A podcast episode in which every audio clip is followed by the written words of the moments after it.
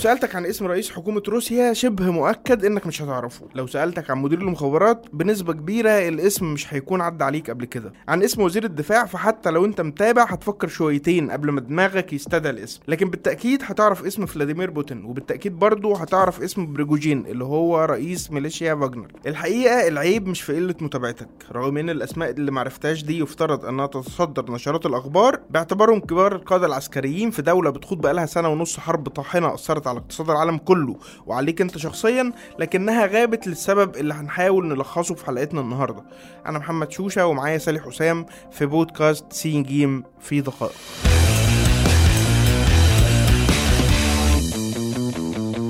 سالي ليه قائد ميليشيا يكون الاسم الأهم في روسيا بعد الرئيس حتى قبل التمرد الأخير؟ لأن باختصار الرئيس الروسي فلاديمير بوتين من وقت ما وصل لمنصبه وهو جمع كل السلطات في شخصه. حتى لما ساب الرئاسة واتنقل لرئاسة الوزراء لفترة بسبب القيود القانونية كل السلطات فضلت معاه. إحنا هنا تجاوزنا مرحلة في مركزية روسيا من تركز كل السلطات في دايرة ضيقة لتركز السلطات في شخص واحد.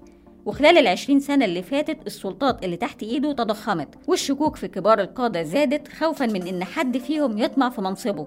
فبقت التغييرات في صفوف القيادات العسكرية سريعة والمهمات الحقيقية بقت تروح لأهل الثقة. ومن هنا اتخلقت ميليشيات زي فاجنر اللي فعليا خدت جزء كبير من مهام الجيش النظامي في حرب أوكرانيا. وفي النهاية أهل الثقة ما طلعوش قد الثقة.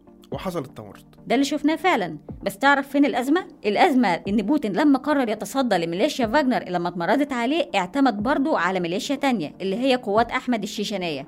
ودي جيش خاص بشخص رمضان قاديروف اللي هو رئيس الشيشان وسماها على اسم أبوه أحمد قاديروف وفي نفس الوقت اللي التقارير اتكلمت فيه عن عمليات تطهير واسعة في المؤسسات العسكرية والأمنية الروسية بعد التمرد يعني الثقة في المؤسسات الرسمية بتقل وبرضه لصالح قوات خاصة. الغريبة بقى إن القوات الخاصة دي كانت جاية من الشيشان اللي هي صحيح حاليا حليف قوي لبوتين لكن تاريخيا كان بينهم مصنع الحداد. بس هنا هقدر أجادلك إن بوتين كان مضطر ياخد الوضع ده تحت إن هو في إخفاقات متكررة للجيش الروسي في أول اختبار حقيقي خدوه في أوكرانيا. لكن بحسب تقييمات الاستخبارات الغربية فالسبب هو مركزية بوتين في القيادة والسيطرة باعتبار إن كل مسؤول بقى مركز في إنه يشيل عن نفسه المسؤولية الشخصية عن النكسات في العمليات العسكرية.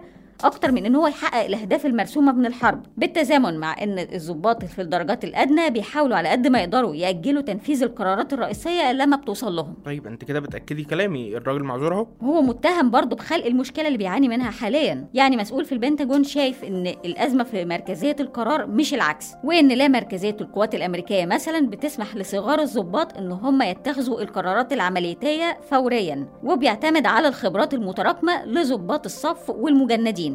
في حين إن المركزية الروسية بتجبر الجندي اللي في قلب الحرب إن هو ينتظر القرار بقى من فوق. وبالتالي الجنرالات نفسهم لازم يكونوا قريبين من المعارك. وبالتالي هم نفسهم هيكونوا في موقع خطر. وهم نفسهم بينتظروا يرفعوا التقارير لفوق لحد ما توصل لبوتين شخصيا قبل ما القرار يرجع لهم تاني وبالتالي المخاطر بقى بتزيد. طيب خلينا نرجع لأهل الثقة المتمردين. فاجنر نفسها في ناس كتير بيقولوا هم راحوا فين بكل قوتهم دي بعد التمرد.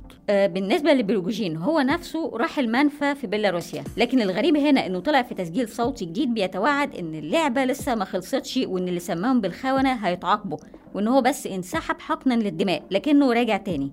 بالنسبة للقوات على الأرض فمصيرها غامض تماما خصوصا إن مفيش رصد لأي تغيير جذري في تمركز القوات داخل أوكرانيا.